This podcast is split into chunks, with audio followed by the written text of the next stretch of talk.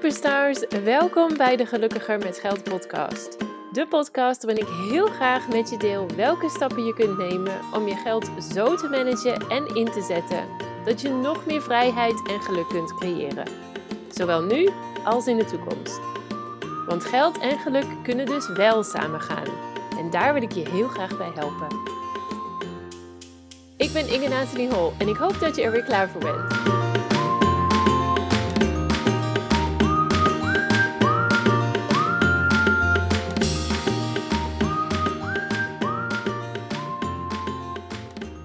Hey, welkom bij weer een nieuwe aflevering van de Gelukkiger met Geld podcast. Zoals altijd, super leuk. Ik ben mega dankbaar dat je weer luistert, dat je hier weer bij bent. En um, ik had vandaag kwam ik een hele interessante quote tegen en die wil ik heel graag uh, met je delen. En um, nou, een beetje achtergrond, als je me al wat langer volgt of als je al vaker geluisterd hebt, dan weet je misschien dat ik samen met mijn man al uh, 12, 13, ik weet even niet precies, jaar een talenschool heb in Zuid-Spanje. Dat doen we al sinds het allerbeginst, doen wij dat samen. Um, en ik ben dus tegenwoordig ook als, uh, nou, met mijn tweede bedrijf, ik ben een tweede bedrijf gestart een tijd geleden als geldcoach voor ondernemers. Uh, in eerste instantie ben ik als uh, auteur begonnen en nu dus ook echt als geldcoach in mijn tweede bedrijf. En sinds kort, dat was even verder allemaal niet zo heel belangrijk, maar sinds kort is mijn man ook bezig om, um, om uh, die is bezig met een opleiding tot life coach. Dus hij wil heel graag life coach uh, worden. Ik weet absoluut niet hoe dat in het Nederlands heet. Levenscoach misschien, weet ik niet. Nou ja, hij komt uit Schotland, hij doet het in het Engels, Amerikaanse opleiding. En is nu met zijn uh, vervolgopleiding bezig tot officiële registratie, zodat hij ook in het internationale register kan worden opgenomen. Nou, doet er ook allemaal niet zo heel veel toe, maar hij moet daarvoor, voor die vervolgopleiding, moet hij ook best wel veel boeken lezen. Uh, de eerste opleiding die hij deed was met name heel praktisch en meer met uh, uh, ja, online sessies en dat soort dingen. En dan ook echt praktisch moest hij gaan oefenen en dat soort en verslagen schrijven en weet ik wat. Maar deze vervolgopleiding voor die registratie en voor het examen dat hij moet doen is heel erg, um, wat ik zeg, theoretisch. Hij moet daar best wel wat boeken voor lezen. Um, nou, ik vind dat natuurlijk als coach, vind ik dat natuurlijk ook heel interessant om te zien welke boeken hij aan het lezen is en wat er precies, hè, wat, wat precies de content daarvoor is. Dus ik was eerder vandaag, was ik even, um, was ik even een van die boeken had ik erbij gepakt. En nu moet je even, ik ben jullie de titel verschuldigd, want ik heb hem even niet bij de hand. Uh, ik zet het in de show notes. Ik moet natuurlijk wel een juiste bronvermelding doen, dus ik zal het in de show notes, zal ik erbij zetten welk boek dit is. Uh, ik vond het best wel interessant, dus het is misschien ook nog wel een tip. Maar ik moet zeggen, ik heb echt pas de eerste vijf pagina's gelezen en er voor de rest doorheen gebladerd. Maar er staan veel checklists en um, uh, ja, stappenplannen en dat soort dingen in als coach. Het is echt algemeen als coach. Um, nou, dat even ter inleiding. Maar oké, dus waar ik heen ging, um, was even de draad kwijt. Waar ik heen ging, is dat ik daar een hele interessante uh, quote in, of nou, nou, het is eigenlijk geen quote. Het was uh, aan het allerbegin van het boek hebben ze ook een soort van, ja, ik, ik denk dat iets van 12 of 15 Um, ik wil zeggen aanbevelingen, maar het is eigenlijk meer dan aanbevelingen. En ik, ik gebruik even het woord best practices. Dus, dus ja, sterker dan aanbevelingen, goede manieren om als professioneel coach, daar, daar, daar hameren ze heel erg op. Dus niet zomaar als coach, maar echt als professioneel coach. Dus als je jezelf en je werk en je klanten en je bedrijf echt serieus neemt, dan staan daar een aantal dingen in. Um, die um, uh, in dat boek die zij dus aanbevelen. En eentje vond ik mega tof en die wil ik uiteraard met je delen. En waarschijnlijk heb je het al een beetje geraden als je de titel van deze podcast hebt gezien.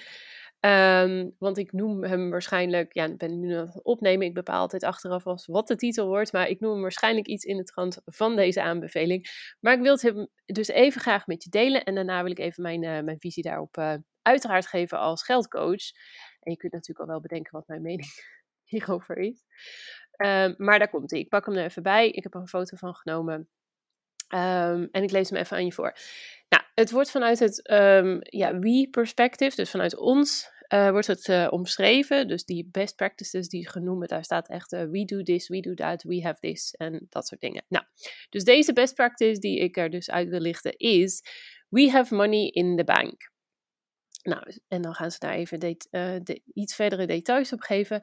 Professional coaches maintain an emergency savings account of at least $10,000 so that no money concern gets in the way of our coaching of clients. Ja? Dus basically, wat er staat, dat professionele coaches minstens 10.000 dollar, uiteraard, is een Amerikaans boek, 10.000 dollar um, als noodpotje hebben, als noodspaarpotje hebben. Um, zodat zij verder geen geldzorgen hebben als het aankomt op het coachen van cliënten. En daar wil ik natuurlijk mijn, mijn, uh, mijn visie even over delen. Het is natuurlijk uiteraard een quote waar ik het 180.000% mee eens ben. Dat snap je ook wel. Um, als je, nou ja, ik, ik, vind, ik vind emergency potjes, dus noodpotjes, buffers, sowieso financiële zekerheid. Uh, ik vind al dat soort dingen echt enorm belangrijk. En ik vind het echt heel erg tof dat er dus door zo'n boek echt een, een relatief groot bedrag wordt genoemd. Is niet even zo van, oh, hè, een één maand of twee maanden emergency dingen, maar echt 10.000 euro wordt genoemd, minstens ook nog. Um, zodat je geldproblemen niet in de weg komen te staan van jouw services. En nou, ik heb voor, ik, voor mij zie ik daar twee dingen in. En eentje heb ik al wel vaker gezegd, ook vaker benoemd hier in deze podcast en op social media. Maar ik neem hem er toch nog, ik haal hem toch nog heel even aan. Maar ik denk dat dit wel echt een belangrijke is. Als je um, als ondernemer, dus dit geldt natuurlijk niet alleen voor coaches en therapeuten, maar als ondernemer in het algemeen. Maar veel van mijn um, veel van de mensen die luisteren, ja, als je een beetje lijkt op een ideale klant, dan ben je waarschijnlijk coach, therapeut uh, of in, in, in die hoek. Um, maar goed, het is natuurlijk voor alle ondernemers in het algemeen. Maar als ondernemer ben je natuurlijk verantwoordelijk voor je eigen inkomen. Dat mogen duidelijk zijn. En dat betekent dus ook dat je afhankelijk bent van je sales. Als je geen klanten binnenhaalt, dan wordt het lastig om genoeg um, geld uit je eh, onderneming te halen om jezelf ook te betalen. Dat lijkt me duidelijk. Um, maar het is dus wel heel belangrijk dat je een stukje zekerheid inbouwt. En hier, nogmaals, hier heb ik het vaker over gehad. Hier werk ik ook heel snel al naartoe met mijn klanten als, ik, uh, als ze bij mij in een traject binnenstappen. Om een buffer op te gaan bouwen, zodat als het dus een maand niet mee zit, als het echt tegenvalt, als je een moeilijke maand hebt, hebt qua sales, of als je misschien wel gewoon eruit ligt omdat je ziek bent. Of misschien heb je wel de zorg voor iemand anders op je genomen. Of, of wat dan ook. Dan kan het natuurlijk best wel zijn dat je gewoon minder binnenbrengt. Dat je omzet gewoon ontzettend uh, naar beneden gaat. En daarmee ook je winst. En daarmee ook de mogelijkheid om jezelf fatsoenlijk uit te betalen. Dus alleen al vanuit dat oogpunt is het heel, heel, heel belangrijk dat je geld opzij hebt gezet. Om voor zulke situaties. Um, om zulke situaties dus voor te zijn en om dus wel um, ja, in je eigen onderhoud te kunnen voorzien, natuurlijk. Nou, dat in de eerste plaats. Maar in de tweede plaats, en deze kwam eigenlijk pas vandaag echt met die quote binnen, omdat er nog een andere best practice uh, wordt genoemd in die lijst. En die heb ik, daar heb ik even geen foto van gemaakt, dus die doe ik even um, uh, uit mijn geheugen. Maar een van de andere dingen die uh, zij ook aanhaalde was dat als je als professionele coach um, uh, werkt en dus inderdaad uh, in je praktijk je klanten ziet, dat je er dan altijd, en dit, dit is dus denk ik heel belangrijk voor dat stukje professionele en niet zomaar coach, maar echt prof, professionele coach, dat je er altijd voor zorgt dat je het uh, belang van de klant voorop stelt. Zij zeggen daar ook in, dat betekent dus dat het best wel zo kan zijn dat jij een klant doorverwijst naar iemand anders, omdat jij weet dat jij niet de beste persoon bent om diegene te helpen op dat moment, of omdat iemand het gewoon beter kan. En als je die twee dus bij elkaar stopt, dan krijg je daar, denk ik, vind ik zelf althans, ook een hele mooie conclusie uit. Namelijk dat als jij geen geldzorgen hebt over je eigen bedrijf en over je eigen salaris, dat dat dan dus ook betekent dat het voor jou vele malen makkelijker is om dat belang van die klant voorop te stellen, omdat je die klant dan niet nodig hebt. Of je snapt dan dat het voor iedereen um, beter is als je die klant doorverwijst naar iemand anders. In plaats van dat je daar heel erg aan gaat hangen en dat je echt gaat proberen om die klant bij jouw klant te maken, omdat je het geld dus nodig hebt. Want je hebt Hè, stel dat je dus inderdaad geen noodpotje of buffer hebt. Je hebt die emergency savings van 10.000 nou ja, dollar, wordt het voorbeeld genoemd. Uh, mag je natuurlijk vertalen naar je eigen hoeveelheid in euro's. Maar je hebt, die, je hebt dat potje niet zelf opgebouwd. En als het dan eens een keer tegen zit, dan kan het dus best wel zijn dat jij klanten gaat helpen. En überhaupt een aanbieding doet aan een klant die eigenlijk niet goed bij je past. Of waarvan je zelf eigenlijk weet van, joh, hè, ik ben eigenlijk niet de juiste persoon om deze, om deze klant verder te helpen. Of om het resultaat te boeken waar zij echt naar op zoek zijn, wat ze echt nodig hebben. Maar in plaats van dat je ze dan naar een collega doorverwijst, ga je er zelf toch mee aan de slag, omdat je nu één keer het geld nodig hebt. Terwijl als jij dus genoeg geld opzij hebt staan, genoeg in reserve hebt, weet je ook dat dat prima kan. Kun je dat dus uh, het belang van die klant uh, veel beter behartigen, omdat ook al gaat die klant naar een collega, het, het, jij hebt er verder geen probleem van, financieel gezien althans.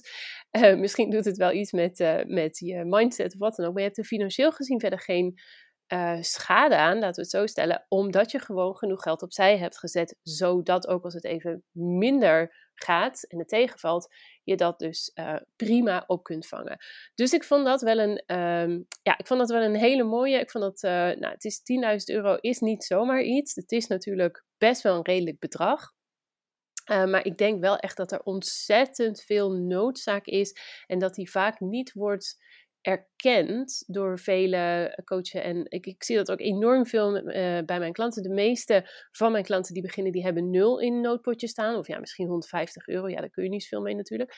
Um, en en, en dat, dat is dus ook wel een proces. Daar mag je ook even voor gaan zitten om uit te vogelen hoe en wat en, en hè, op welke manier. Maar het is wel ontzettend belangrijk om daar naartoe te werken. Of het nou 10.000 euro is, ehm, ja, dat, dat hangt van je situatie af. Daar kijk ik ook vaak naar klanten, uh, met klanten samen mee. Hoeveel heb je eigenlijk nodig? Misschien heb je veel meer nodig, misschien kun je met minder ook.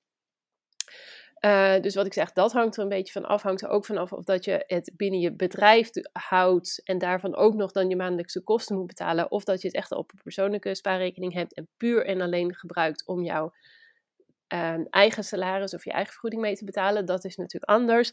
Maar goed, ik hoop dat je wel een beetje begrijpt dat het, uh, dat het wel enorm noodzakelijk is om dit te doen. Want er kan van alles gebeuren met jezelf, met je omgeving en, uh, en dus ook met je klanten. Dus dat is wel een belangrijke, die wilde ik met je meegeven.